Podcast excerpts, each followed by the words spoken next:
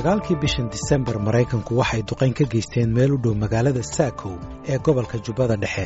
Waxaana dowladda maraykanku ay sheegtay in duqayntaasi uu ku dhintay xubin sare oo ka tirsan ururka al-shabaab inkastoo aysan shaacinin magaca qofka la beegsaday. Galka baarista oo la xiriiray ila ka tirsan sirdoonka soomaaliya iyo saraakiil kale oo dhinaca amniga waxa uu ogaaday in duqayntaasi lagu dilay sargaal xilal kala duwan ka soo qabtay ururka al-shabaab kana mid ahaa saraakiisha soo kacaysa ilawareedyo kala duwan waxay galka baarista u sheegeen in ninkaasi lagu magacaabi jiray maxamed cabdinuur oo ku magac dheeraa marwasi kana soo jeeday gobollada koonfur galbeed. Sargaalkan ayaa ka soo shaqeeyey maktabka dacwada inkastoo xilal kala duwan oo horena uu soo qabtay. Mid ka mida laamaha sirdoonka ayaa ii sheegay in maktabka dacwadu ay dad badan u tashkiiliyeen ururka al-shabaab taasina ay keentay in la bartilmaameedsado hase yeeshee xubin kale oo ka mid ah sirdoonka soomaaliya waxa uu isna ii sheegay in maxamed cabdinuur marwaasi uu hadda ka hor wada shaqayn la lahaa xubnaha xafiiska xiriirka arrimaha dibadda u qaabilsan ururka al-shabaab gaar ahaan la macaamilka ajaanibta dhowr maalmood ka hor duqaynta maxamed cabdinuur marwasi dowladda maraykanku waxay dhinaca kala shaacisay inay dib u soo cusboonaysiinayso abaalmarin dhan shan milyan oo dollar oo saarnayd madaxa jihaad zarvan mustafa oo ka tirsan saraakiisha ururka al-shabaab ahna muwaadin u dhashay dalkan maraykanka. Saraakiil dhinaca amnigu waxay ii sheegeen in jihaad sarwaan mustafa uu isku hayay ilaa saddex jago oo kala duwan kuwaasi oo kale ah ku-xigeenka madaxa qaybta sancada ama farsamada qaraxyada xubin ka tirsan hoggaanka iclaamka ama warbaahinta iyo inuu xubin ka yahay golaha shuurada ee ururka al-shabaab. Siciid cabdulaahi dilib oo ku magac dheer sergiyo waxa uu horey uga soo tirsanaa ururka al-shabaab aqoonna waxa uu leeyahay jihaad sarwaan mustafa. Sarwaan jihaad mustafa axmed gurey wuxuu yimid soomaaliya xilliga maxaakiimta wuxuu ka mid ahaa raggii muhaajiriinta maaragtay xilligaas waddanka soo galay. Dagaalkii mataqaanaa iidaal ka qayb qaatay. Kadib markii maaragtay xashi dadkii maaragtay soo galeen waddanku wuxuu ka mid ahaa raggii u cararay maxaan ku yidhahdaa jubooyin laba kun iyo sagaal waxaa la dilay ninka la yidhahda nabhaan. Nabhaan markii la dilay ninkan waxaa mas'uul looga dhigay muhaajiriinta muhaajiriinta. Marka hore muhaajiriinta waxaa mas'uul ka ah nabhaan. Nabhaankii booskiisuu galay. Laba kun iyo sagaal iyo toban iyo kob iyo toban dagaalada haddana waxaa bilawday xamar maaragtay dowladda iyo shabaab ku dhex maray. Marka muddadaas maaragtay wuxuu mas'uul ka ah muhaajiriinta oday u ahaa. Dagaaladaasna inta badan wuu ka qayb qaatay. Xilkiisa hadda muxuu yahay shabaab hadda wuxuu mas'uul ka yahay maaragtay se waxay yidhahdaan tasniic ama sinaaca farsamada tasniica waa qayb ha waa qayb ka mid ah maaragtay sheeg qolyahan maarata waa meesha ugu sarraysa warshada ugu weyn oo maxaan ku yidhahdaa minooyinka kaydintooda farsamaynta nimankan wax ku qarxdan waa t n t t n t dana waa qaaliyo waxaa maarata mar walbana lama helo marka markii la keeno xiliyii go'daa waxay sameeyaan marka baashii way beeqaamiyaan sameynayaan maaragtay maaragtay way way barxaan waxay ku barxaan maaragtay maxaan ku rahdaa muwaad kale sida aluminium ay ku barxaan. Waxyaaba noocaas oo kale way qabataa waxay sameeyaan weelasha mataqaanaa minada lagu way sameeyaan waxay sameeyaan oo kale maxaan ku rahdaa baabuurta maaragtay isqarxiyo. Biraha iyo mataqana wax lagu dejiyo ayagaa sameeyo. Marka maxaan ku dhaha qaybtaas muxuu ka yahay marka? Waa ma ku-xigeen ka yahay ku-xigeen laakiin laakiin hawshiisa kala wado waa isa hawsha kala wado ururka al-shabaab waxay guud ahaan ka taxadaraan inay si weyn u soo dhex galaan dadka ka yimaada dibadda. Caadiyanna dadka ay ugu yeeraan muhaajiriinta ee ka yimaada waddamada dibadda ah badankoodu kama hayaan xilal sare. Waxaana taas beddelkeeda loo diraa furimaha dagaalka ama waxay ku eg yihiin xarumaha tababarka. Sidoo kale waxay u diraan inay ka dagaalamaan gudaha kenya si looga fogeeyo hoggaanka sare ee xarakada qaar ka mid a hogaamiyaasha ajaanibta oo uu ka mid ahaa cumar xamaami waxa ay ku dhinteen gacanta ururka al-shabaab kadib markii ay iskhilaafeen madaxda ururka. Haddaba maxaa u suurtogeliyey jihaad sarwaan mustafa inuu xiriir fiican la yeesho hoggaanka ururka al-shabaab iyadoo dhinaca kalena dadka ajaanibta ah aysan xiriir fiican la lahayn hoggaanka xarakada? Isla su'aashaas waxaa ka jawaabaya siciid cabdulla dilib. Godana hal marna kama hor imaan wuu ku qanacsaa wayna isku fiicnaayeen. Haddana kan joog wuu isku fiican yihiin wuna ku qanacsan waxaa jirtay xilli ajaanibta la joogta ururka al-shabaab lagu qiyaasayay tiradooda ilaa kun qof kuwaasi oo u badnaa dadka ka yimid bariga afrika. Hase yeeshee saraakiisha amnigu waxay xilligan aaminsan yihiin in tirada ajaanibta la joogta ururka al-shabaab ay si weyn isku dhimeen marka laga reebo kuwa ka yimid bariga afrika. Qaar badan oo ka mid ah waxaa la sheegay inay isaga carareen soomaaliya ayna tegeen dalka yemen halka qaar kale ay ku biireen ururka daacish kuwo kalena waxay ku jiraan xabsiyada ururka al-shabaab iyaga oo looga shakiyey inay doonayeen inay ku biiraan ururka daacish hase yeeshee inta badan ajaanibta al-shabaab ee ka soo jeeda bariga afrika waxay ku jiraan ciidanka lagu magacaabo jeish ayman ee ka dagaalama gudaha kenya ilaa xuduudda u dhaxaysa labada waddan gaar ahaan gobolka jubbada hoose. Ajaanibta aan ka imanin bariga afrika ee la joogta al-shabaab badankoodu waxay ahaayeen kuwo loo jeediyey dhinaca tababarada iyo qaraxyada khubarada sirdoonku waxay aaminsan yihiin in ajaanibtan ay yihiin kuwa inta badan keenaya khibradda iyo farsamada kala duwan ee qaraxyada. Inkastoo xilligan ay soomaalidu yihiin kuwa si buuxda u hogaamiya xarumaha qaraxyada qaraxyada ayaa ururka al-shabaab ay xilligan horumariyeen farsamadooda. Sida ay aaminsan yihiin khubarada dhinaca argagixisada ee soomaalida iyo ajaanibtuba khubarada qaramada midoobay ee la socodka cunaqabataynta soomaaliya saaran ayaa warbixin ay bishii hore daabaceen ku sheegay inay heleen caddayn qeexan oo muujinaysa in ururka al-shabaab ay adeegsanayeen qaraxyo ay iyagu sameeyeen tan iyo bishii juulaay labada kun iyo toddobiyo tobanka. Waxay sheegeen khubarada qaramada midoobay in shaybaar lagu baaray qaraxyada ay samaystaan al-shabaab shaybaarkaasi oo ay leedahay hay'adda dembi baarista maraykanka ee f b i-da natiijadeediina dib loogu celiyey khubarada qaramada midoobay ee la socodka arrimaha soomaaliya. Laakiin siciid cabdulla delib oo aqoon durugsan u leh farsamada qaraxyada ee al-shabaab iyo sida ay ku helaan waxa uu galka baarista u sheegay inuusan badnayn hubkii dowladdii hore ee xilligan ay al-shabaab u adeegsadaan qaraxyada. Siciid cabdulla delib waxa uu waraysigan galka baarista siiyey lix iyo labaatankii bishii sebteembar ee sanadkan waa bil iyo badh ka hor inta aan la daabicin warbixinta qaramada waxay adeegsanaysay maba yaalaama dalka horta. Waxaa laga yaabaa inay ka harsan yihiin qadaa'if gantaali waxaasoo kale u harsan laakiin mawaadda hadda dadkay ku laayaan waa wax khaarijka laga keenay inta badan. Labayna u qaybsamaano maaragtay shee gawaarida iyo xisbadii waxay geliyaan maaragtay sheegeen xisaam ama tardi oo kale waxay laptop soo geliyaan oo kale ama britry ay geliyaan. Gawaarida weynka waxay saaran inta badan t n t. Waa maado loo yaqaano t n t maaragtay shee muddo wax burburiso waxaa waxaa nitrotrwin a la yidhi maaragtay saddexdaas labadaas maaday ka kooban tahay. Khaarijkaana laga keenay inta badan yamana laga keena waxaa laga soo dejiyaa meesha la yihahda qandala niman maaragtay shibracadbadeed iyo cirtoogtaa meesha ka soo dejiyo. Waxaa la soo maraya dhulkaasaa la soo mariyaa xardheeraa loogu keenaa inta badan. Ama baddaa loo soo mariyaa ama maaragtay berigay soo mariyaan oo ilan puntland markii muxuu ahaa soo bixista ma adko baaritaankooda ma adko welista aada loo baara gawaarida dadka. Lakin qof markuu soo baxay maarata baaritaankooda iska caya haddii raba laamigayso haddii ran xeeb meesha rabaan mariyaan laakiin masterka keliya looga keeno waa meeshaas.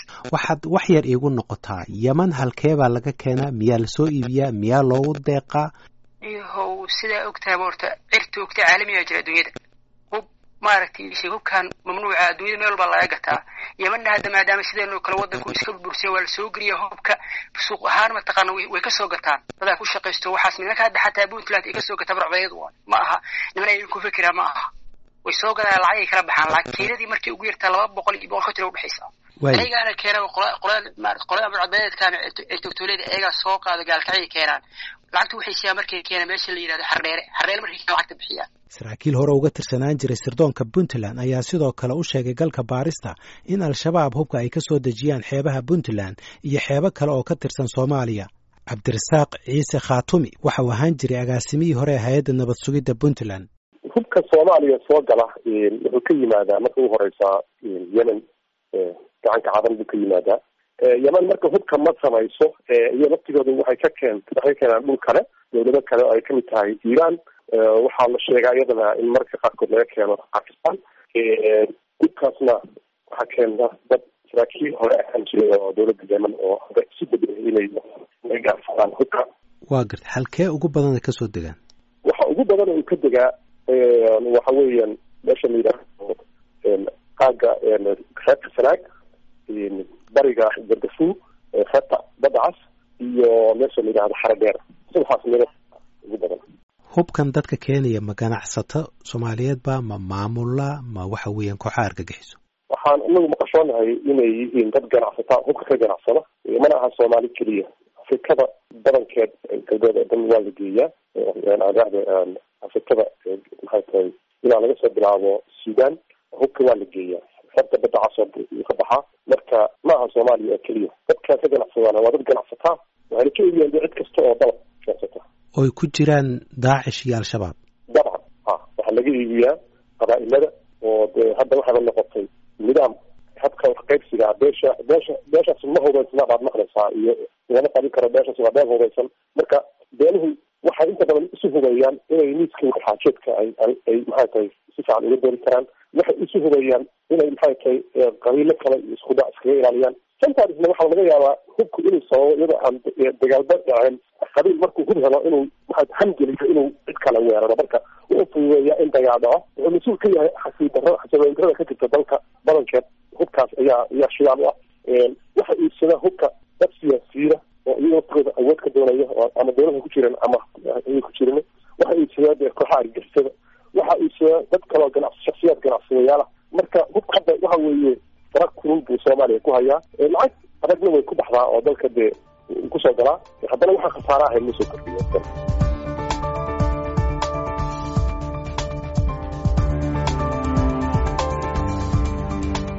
mar kale haddii aynu dib ugu laabanno jihaad sarwaan mustafa waxaa galka baarista ay u sheegeen xubno ka tirsanaan jira ururka al-shabaab in xafiiskaasi farsamadu ay sameeyaan hindisayaal badan oo ay ku horumarinayaan farsamada qaraxyada iyo xeeladaha loo adeegsado. Waxaa kaloo xitaa ay hindiseen xafiiskaasi gantaal ay hindiseen farsamo yaqaano ka tirsan ururka al-shabaab. Siciid cabdulla dilib waxa uu galka baarista u sheegay in qaybta sanaacada ee uu ka tirsan yahay jihaad sarwaan mustafa ay isku dayaan inay kolba hindisaan farsamo cusub oo aan ku koobnayn qaraxyada. Balse sidoo kale ay hadda ka hor isku dayeen inay farsameeyaan gantaal. Fikradda samaynta gantaalka waxaa iska lahaa madaxii hore ee qaraxyada ee ururka al-shabaab ibraahim cali cabdi anta anta oo lagu dilay duqayn maraykanku ay ka geysteen agagaarka jilib bishii disembar labada kun iyo afar iyo tobanka waxyaabaa ka naqaashin waxaa ka mid ah inay gantaalo sameeyaan oo maaragtay gantaalka maado waxa maarata maadada yidhahdaan daaficado gantaalka riddo ama tuurto in la sameeyo. Waxyaaba noocaasi ka naqaashin wixii o dhan way socon waaya marka dambe. Wa gantaal noocee ayay ka fikireen inay sameeyaan? Gantaalada mataqaana la rido oo maaragtay ii sheeg oo waxay ka koobiyeenaan kolley maaragtay filistiin meelaha saa aragto gantaalada mataqaana maxalliga ah maaragtay kusanayska ah waa la sameeyey way tijaabeen daaficadii way sameeyeen xataa maaragtay sheeg laakiin wixii maaragtay sheeg way controli waayeen. Way iska daayeen? Maxaad ka wadaa way controli waayeen? Manaba waa la riday baalka waa la sameeyey. Haye. Waxay ku waxay ku tijaabeen weliba meel xeel cadda meel yihahda meesha banaankeeda xamar banaankeeda maarata dhinaca dhinaca bari meel ku dhacay aqoon waay maxaa controlki baalka maaragtay la xadido waxay samey waxay keliya ku guulaysteen inay sameeyaan daaficadii gantaalka saa ka warqabtid waxba waxbaa tuuro. Daaficay yidhaahdaan gar. Daaficadiyaa la sameeyey. Dabaa gadaal lagaga qabtay. Way gubato baalka bisay daaficadina baalka way tuurtay. Waa gar. Si xoog le maarata si u riday. Xagga badda u rideen waxaa soo hartay. Ha xagga badda ha. Meesha cidnima joogo meesha cidlehe waa garta waxaa soo haray marka waxaa maaragtay sheeg dafcigi waa la helay baashi in wax rido laakiin controlkii ma intay gaari kartaa ma waxaasi mataqaana heli waayeen marka maxay muhiim ugu tahay inay kontaroolaan way u baahan yihiin haddii maaragtay ay heli karaan baalkan maarata inay cabirkiisa oo kale helaan meesha ku ridi karaan hadday ogaan karaan baalka maarata kilomiteraadka iyo meeshaasa ku dhufi karaan diraan meel walba ku dhufan lahaayeen waxay ku guulaysteen keliya in mataq dafcigiisa baalka inay ridaan keliya ku guulaysteen laakiin haddii rido intuu taga ma labaatan mitir keliya ku dhaca boqol mitir ma gaar qofku wuxuu rabaa moogta hadaf wax ku dhufto. Marka fikraddii ma halkiibay ku dhimatay mise mar kaley sii wadeen?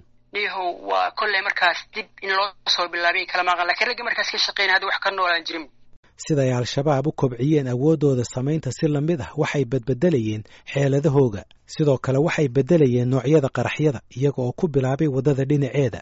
Goor dambena ku xidhay baabuurta. Xataa waxaa dhacday qaraxyo lagu xidhay geedaha korkooda kuwaasi oo lala bartilmaameedsanayay dadka hoos fadhiista ama hoos mara ama ag mara geedaha. Waxaa sidoo kale al-shabaab ay qaraxyada ku rakibeen kombyuutarro iyagoo isku dayay inay ku soo ridaan diyaarad bishii febraayo labada kun iyo lix iyo tobanka khubarada dhinaca amniga iyo xubno hore uga soo goostay al-shabaab waxay galka baarista u sheegeen in ururka al-shabaab ay xataa ku hamiyeen in diyaaradaha dharowniska ah ay ku rakibaan qaraxyo si ay ugu bartilmaameedsadaan shakhsiyaad gaar ah oo dhex maraya magaalada iyadoo laga hagayo meel fog. Siciid cabdulla dilib oo hore uga tirsanaan jiray al-shabaab waxa uu xaqiijiyey in damacaasi uu ku jiro ururka al-shabaab.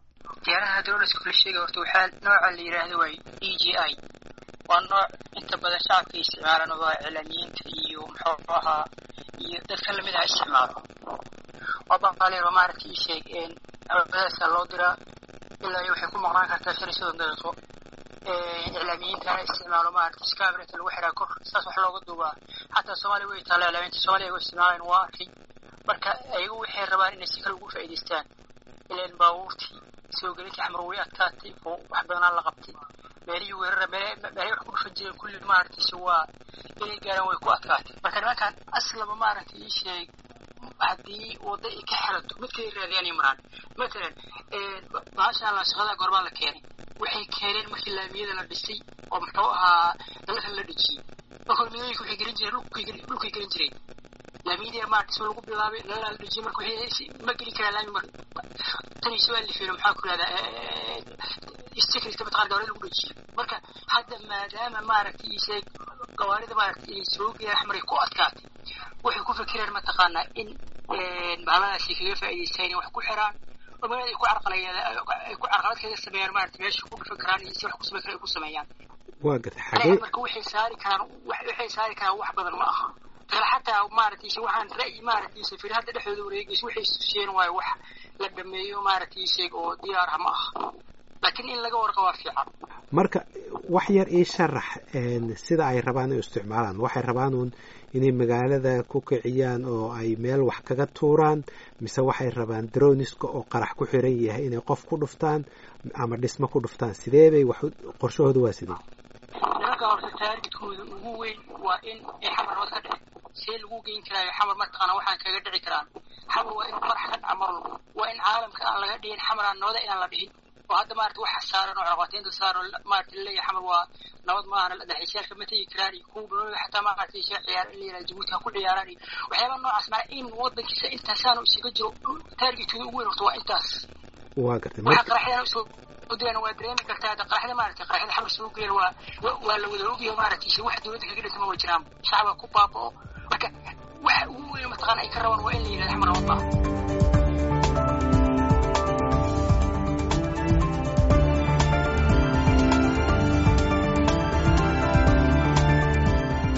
galka baaristu waxa uu la xiriiray wasaaradda amniga ee dowladda soomaaliya si uu wax uga weydiiyo halista ururka al-shabaab xeeladahooga iyo qaraxyada ay adeegsadaan.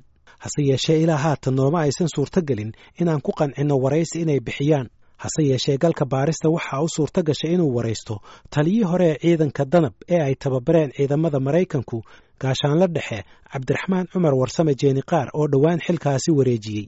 Xilliga uu galka baaristu waraystay taliya jeeniqaar waxa uu weli hayey xilkiisii taliyanimo ee danab. Inta iyaga ay danaynayaan inay waxyeelo same sameeyaan annagana waxaan waxaan raadinaa xog ah ku saabsan noloshooda iyo caqiidada ay aaminsan yihiin iyo waxa ay ku dagaalamayaan iyo qalabka ay haystaan iyo intay jira leegyihiin intaba waanu raadinaa. Marka dadka way jaawareeriyaan laakiin awood sax ah oo ay leeyihiin maanta ma jirto sida runta ah. Waa gartay laakiin dabcan taliyaasha dee ciidamadaad ka mid tahay deegaanadana waad ka dagaalantaa aqoon baad u leedahay hubkan la sheegayo milaanka iyo sam seven iyo waa hub soomaaliya hore u yaalay dad badanna oo khubaro military ay sheegaan inuu gacantooda ku jiro. Marka wax walaaca idinkuma haya miya? Horta hubkii hore oo soomaaliya yaalay horta hub hadeer xaalad saxa ku shaqayn kara ama afartan sano ilaa konton sano wax huba oo intaas yaalay sidii loogu talagalay ushaqayn karaa ma jiro. Haddii ay leeyihiin sam iyo maxaan ku qoryo kale oo wanaagsan. Waa laga yaabaa inay qoryo teelisadano iyo suuyo iyo inay haystaan. Waa wax dhici kara laakiin aysan isticmaali karin. Laakiin kuwaan gacanta laga rido wax awooda oo ay u soo kordhinayso hadday haystaanba ma jirto. Muhiimadda waxa weya qofka ciidan ma haystaa ciidan ma haystaan nimankani ciidan awoodla ma haystaan. Waxay wax ku weeraraan wax ururis ah. Maalin markay meel weerarayaan waxay ururiyaan dadkaas saddex bilood ilaa afar bilood inay meel ku weeraraan. Oo weliba ay qof walba keenaan meeshaas qorigay u soo aasaan. Kabacdigeed ay sida ay isugu xiran yihiin iyo inay unug noqdaan iyo inay koox noqdaan ay ku qaadato wakti dheer. Waayo waxay baqayaan inta ay rabaan inay dhibaateeyaan waxay ogyihiin in ka badan in la rabo inay dhibaateeyo iyada. Marka kalsooni ay wax ku aruursadaan ama wax ku diyaarsadaan ma haystaan mana qabaan waxa aan wax ka weydiiyey taliya jeeni qaar xeeladaha iyo farsamada al-shabaab ee isbedbedelaysa. Waxaa la sheegayaa inay drowniska keensadeen oy doonayaan inay qaraxya ku xidhaan oo ama ciidan ay ku weeraraan ama saldhig ay ku weeraraan. Jawaabtaada droniskaas horta waa waa ganacsi. Wax maxaan ku rahdaa ciidankana waa isticmaalaa media way isticmaalaan. Waxaan ku radaa bulshada inteeda kalena way isticmaashaa. Marka waa wax bareefad oo si bareefada loo gadan karo. Laakiin waa inaad isweydisid kiilo intee la bay qaadi kartaa. Marka ugu horeysa waa laga yaabaa inay isticmaalaan wayna wayna isticmaalaan. Oo hadda ka hor way dhacday inay isticmaalayeen sawiro ku isticmaalayeen iyo wax kale uma isticmaalayn laakiin haddii laga guulaystana waxay ku talagelay inay sawiro isgeyso haddii ay guuleystaanna inay sawiro ay baraha bulshada ku faafiyaan inay ka sameeyaan taas waa waa wax aan limid ah weeye oo bulshada rayidka ah ona isticmaasho ciidamada isticmaalaan. Laakiin daronis wax u qaadi kadho oo maxaan ku rahday wax garaaci karta wax samayn karta oo qaraxyo kiilo qaraxyaa qaadi karta ma haystaan mana la imaan karaan laakiin haddayba ku fikirayaan sidaas ka waran halis intee leeg bay ayaa ka iman karta? Waxaa halis badan oo sii weyn kama imaan karto waayo annaga ciidankeena wuxuu u diyaarsan yahay in uu la dagaalamo argagixisada. Argagixisadana waxay isticmaali kartaa weji kasta oo qalabsan bay la imaan kartaa. Haddana annagana waxaa nala kaga baahan yahay inaan dulqaad u samayno.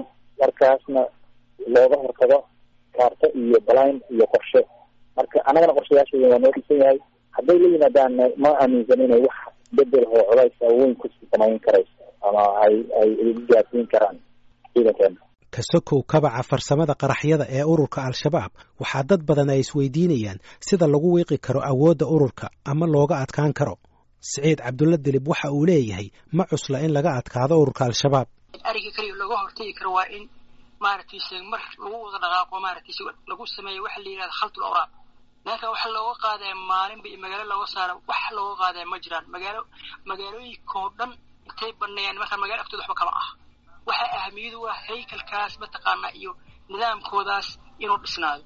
Nidaamkana waxaa lagu burburin karaa dagaal mataqaanaa dhinac walba. Hal mar ciidanka militariga inay meel walba ka dhaqaaqaan jubooyin baybacool puntland hiiraan meel walbo in maaragtayse maca duurka maca jabhada hal mar la galo ay iswaayaan waxaa ka dhalan doonta inay iswaayaan oo mid mid kale la xiriir la waayo kuwa badan oo ayaga ka mid a la qabto kuwa badan oo ayaga ka mid a dalka ka baxaan markaas xiriirkoodii iyo mataqaanaa iyo iska warqabkoodii wuxuu aad isugu dhaca laakiin hadda markii la yidhahda magaalaha laga saaro magaalada ka baxaan xiriirkooda way haystaan hal marna waa ku filantaas le